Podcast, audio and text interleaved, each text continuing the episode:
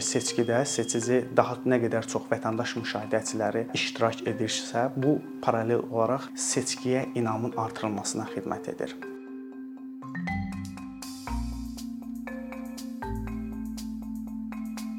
Seçim müşahidəçiliyinin tarixinə baxdıqda ilk seçki müşahidə təcrübəsi 1857-ci ildə baş tutub. O həmin dövrdə deməli Rumıniya ərazisinə çünki mübahisəli ərazi idi və onda qərara gəldilər ki, beynəlxalq ictimaiyyət İngiltərə, Fransa, Almaniya, Türkiyə və Rusiyadan ibarət komissiya bu bu seçkiləri qiymətləndirsin, dəyərləndirsin və bu prosesi həmin Rumıniya ərazisində, yəni Rumıniya Moldova ərazisində mübahisələr ərazisində seçki prosesini qiymətləndirsin.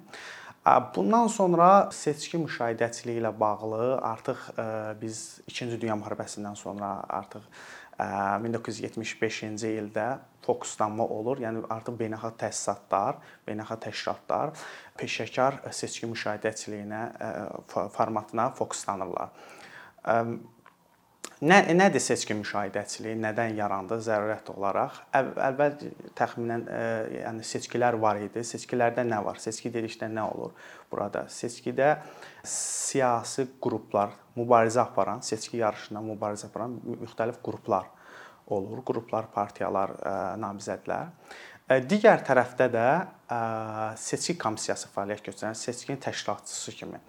Bunun hər ikisinin fəaliyyətinə qiymət verən, bir növ nəzarət edən ehtiyacdan yana üçüncü tərəf kimi seçki müşahidəçiliyi ortaya çıxdı. Beynəlxalq müşahidəçiliklə yerli müşahidəçilik tarixdə yəni paralel olaraq inkişaf elədi. Daha çox amma bu 90-cı illərin sonlarına, əvvəllərindən əvvəllərindən başlayaraq bizim regionda Şərqi Avropa və postsovet ölkələrində xüsusilə populyar oldu. O Ümumiyyətlə seçki müşahidəçiliyi hansı ölkələrdə olur? Yəni biz istər demokratik ölkələrdə, istər qeyri-demokratik ölkələrdə seçki müşahidəçi, vətəndaş müşahidəçiliyinə rast gəlmirik. Çünki demokratik ölkələrdə artıq onlar demokratiyanın müəyyən mərhələsinə çatıblar. Onlarda artıq yəni müəyyən konfliktlərmi deyək, düzəlişlərə ehtiyac yoxdur, prosesin özü ilə bağlı. Qeyri-demokratik ölkələrdəki aydındır ki, bunlarda hansısa müdaxilələr olur. Onlar ya beynəlxalq müşahidəçilərin ölkəyə gəlməsi ilə razı olmurlar və yaxud yerli müşahidəçilər müxtəlif qanunvericilikdə və yaxud fiziki olaraq müdaxilə edirlər ki, olmasınlar. Ən populyar dediyim kimi demokratikləşmə səviyyəsi, demokratik keçid ölkələrində vətəndaş müşahidəçiliyi çox məşhurdur. Xüsusilə Şərqi Avropa və postsovet məkanında. Demokratik keçid olan ölkələrdə niyə görə xüsusilə vacibdir? Çünki bunlar demək seçki prosesi elədir ki, bir uzun, yəni bir günlük hadisə deyil, bir prosesdir. Seçki prosesi, seçki prosesi haqqında da qısa bir məlumat verim. Müəyyən ölkələrdə seçki prosesi özü 2 və 3 aya qədər davam edir. Biz burada ayırırıq. Seçki prosesi ayrıdır, səsvermə prosesi ayrıdır. Seçki prosesi başlayır seçki komissiyalarının formalaşması, namizədlərin qeydiyyat prosesi əhatə edir, seçki qabağı təşviqat dövrü, üçüncü mərhələ seçki günü səsvermə və səslərin sayılması və sonda seçki şikayətlərinin baxılması prosesini əhatə edən böyük bir mərhələdir. Və müşahidəçilikdə paralel olaraq əslində bütün bu dövrləri izlənməsini həyata keçirilməsidir.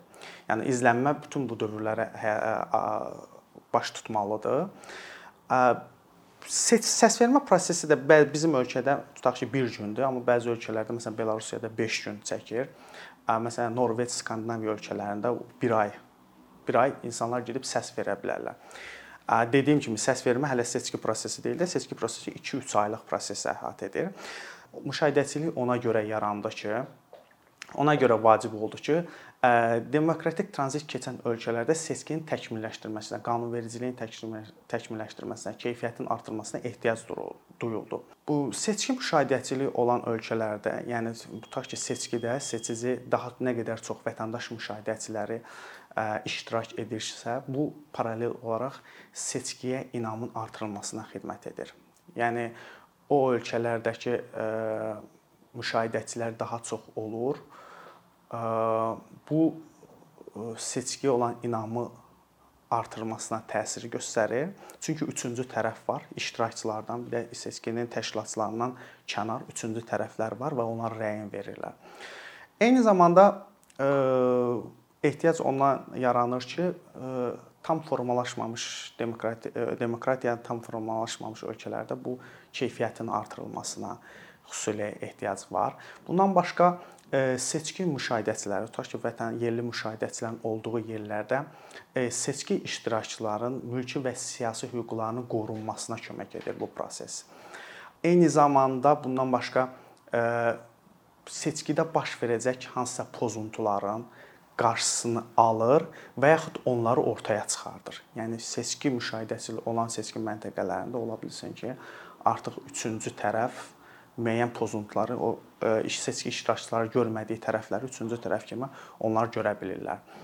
Və eyni zamanda e, məsələn e, başqa bir tərəfi, müsbət tərəfi odur ki, vətəndaş müşahidəçiləri olan seçki prosesində iştirak edən seçki proseslərində əgər tutaq ki, seçki müşahidəçiləri müsbət rəy verdikdə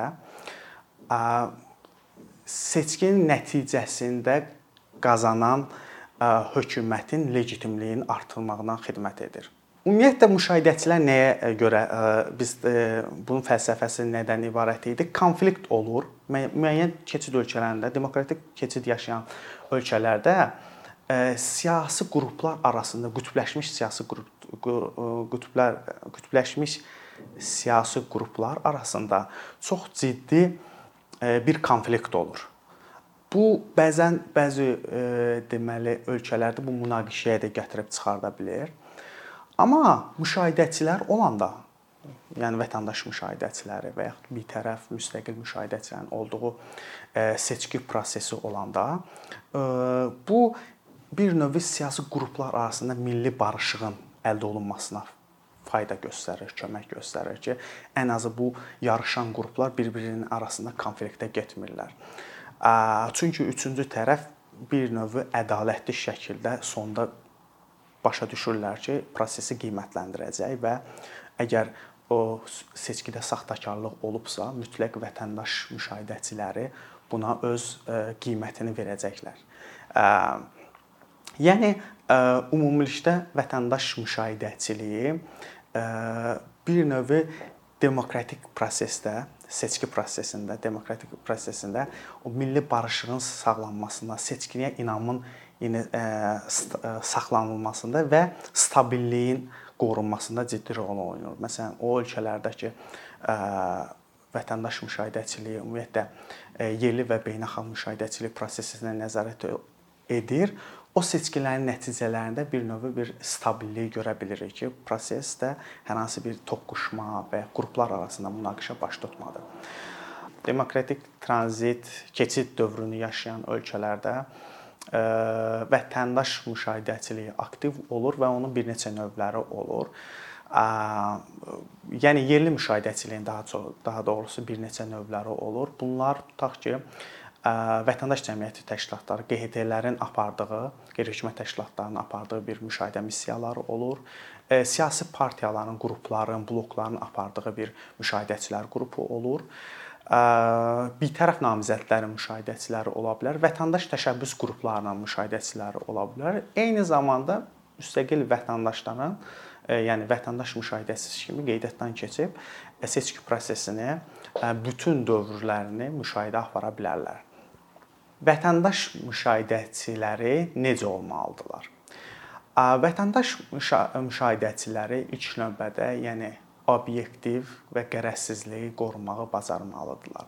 Çünki onlar üçün seçkinin nəticələri kimin qalib gəlməyi önəmli deyil. Seçki prosesinin özünün şəffaf, azad və ədalətli keçirilməsi önəmlidir. Proses şəffaf, ədalətli şəkildə keçərsə, onsuz xalqın iradəsi, onsuz seçicinin iradəsini əks etdirən namizəd qalib gələcəkdir. Ona görə də vətəndaş müşahidəçiləri daha çox seçki prosesinə fokuslanırlar. Azərbaycanda seçki müşahidəçiliyi aparan bir neçə təşkilatlar var. Onlar yerli e, deməli seçkilərdə seçki prosesini əvvəldən sona qədər müşahidəsini həyata keçirdirlər. Seçkilərin monitorinqi Demokratiyanın Tərdisi Mərkəzidə 2001-ci ildən ölkədə baş tutan bütün seçkiləri, 15-dən çox seçkini, referendum, prezident, parlament və bələdiyyə seçkilərini izləyib. Eyni zamanda 14 mindən çox vətəndaşa 600-dən 600-ə yaxın təlim keçib və onların ə, deməli seçki günü ə, təlim təlimləndirilməsi və akkreditasiya prosesinə hüquqi və texniki yardım göstərilib. Müasir dövrdə əslində imkanlar əgər bir vətəndaş tutaq ki, seçki prosesi ilə maraqlıdırsa, əslində hər bir vətəndaş üçün maraqlı olmalıdır bu məsələ. Çoxlu imkanları var. Bunlardan biri yəni onlayn müşahidədir. 5600 ölkədə seçki məntəqəsi var və onun minində imkan var ki, vətəndaşlar indi çox sadə bir şəkildə telefonu əlinə, əlinə götürürsən və seçki günü məntəqənin açılışından tutmuş səsvermə prosesi və səslərin sayılma prosesini izləyə bilərsən hər bir vətəndaş bunu edə bilər.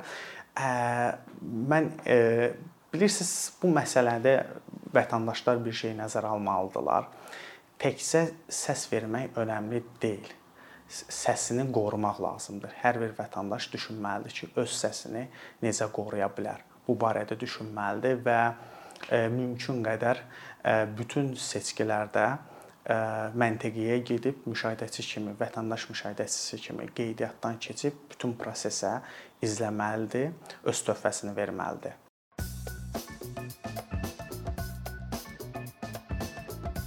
Bir neçə ildir ki, əkinçi olaraq azərbaycanlı izləyicilərin hər zaman faydalana biləcəyi keyfiyyətli və ən əsas ödənişsiz kontent hazırlamağa çalışırıq. İndiyədək təqdim etdiyimiz onlarla animasiya və yüzlərlə çəkilişlər tələbələrin, mütəxəssislərin, müəllimlərin və ümumiyyətlə yeni mövzulardan xəbərdar olmaq istəyən çox sayda insanın marağına səbəb olub. Bu illər ərzində hazırladığımız videolar təhsil, texnologiya, ictimai fəallıq, iqtisadiyyat, gender bərabərliyi, ətraf mühit, ifadə ifadə azadlığı, hüquq, demokratik inkişaf, mədəniyyət və digər mövzuları əhatə edib. Məqsədimiz çoxlu baxış gətirən deyil, çoxlu fayda gətirən videolar hazırlamaqdır. Amma bu düşündüyümüz qədər asan deyilmiş. Gördüyümüz iş kifayət qədər resurs, əmək və təbii ki, davamlılıq tələb edir. Bu səbəbdən Patreon platformasından istifadəyə başladıq. Əkinçinin Patreon hesabının populyarlaşmasına çox böyük ümidlərimiz və gözləntilərimiz var. Bəziləriniz Patreon haqqında ilk dəfə eşidirsiniz. Əslində çox sadə izahı olan bir platformadır. Təsəvvür edin ki, siz rəssam və ya musiqiçisiniz. Sosial şəbəkələrdə sizi izləyən, işinizi bəyənən çox sayda insan var. Patreon platforması sizə imkan verir ki, izləyicilərinizin könüllü aylıq ödənişləri sayəsində işinizi davam etdirəsiniz. Sərgi, konsert zallarından asılı qalmayasınız. Amma bu təkcə rəssam və musiqiçilərə aid deyil. Məsələn, əkinçiyə bənzər fəaliyyətlə məşğul olan bəzi layihələrin 10 minlərlə minlərlə patronu var. Biz də düşündük ki, nə üçün əkinçinin Patreon hesabı olmasın? Sizin dəstəyiniz sayəsində biz daha çox və daha keyfiyyətli kontent yaratmağa davam edə biləcəyik. Amma bu dəstək yalnız maddi dəstək deyil. Dəstəkçilərimizin sayının artması gördüyümüz işlərin faydalı olduğuna dair əminlik verir. Patreon platformasından istifadə çox sadədir. Hesabınızı açırsınız, sizə uyğun dəstək növünü seçirsiniz və Patreon özü hər ayın ilk günü kartınızdan seçdiyiniz dəstək növünə uyğun ödəniş tutur. Bu qədər. Sonda onu demək istəyirik ki, dəstəkçilərin sırasına qoşulmaq istəyən, amma məhdud imkana görə bunu edə bilməyənlər narahat olmasın. Daha öncə dediyimiz kimi, bizim əsas məqsədimiz daha çox insanın hər zaman faydalana biləcəyi keyfiyyətli və ödənişsiz kontentin yaradılmasıdır. Bunun üçün mütləq patronumuz olmalısınız deyə məcburiyyət yoxdur. Amma imkanınız patron olmağa çatırsa və bizim işimizi bəyənirsinizsə, patronlarımızın sırasına qoşulmağınız bizim üçün çox önəmlidir.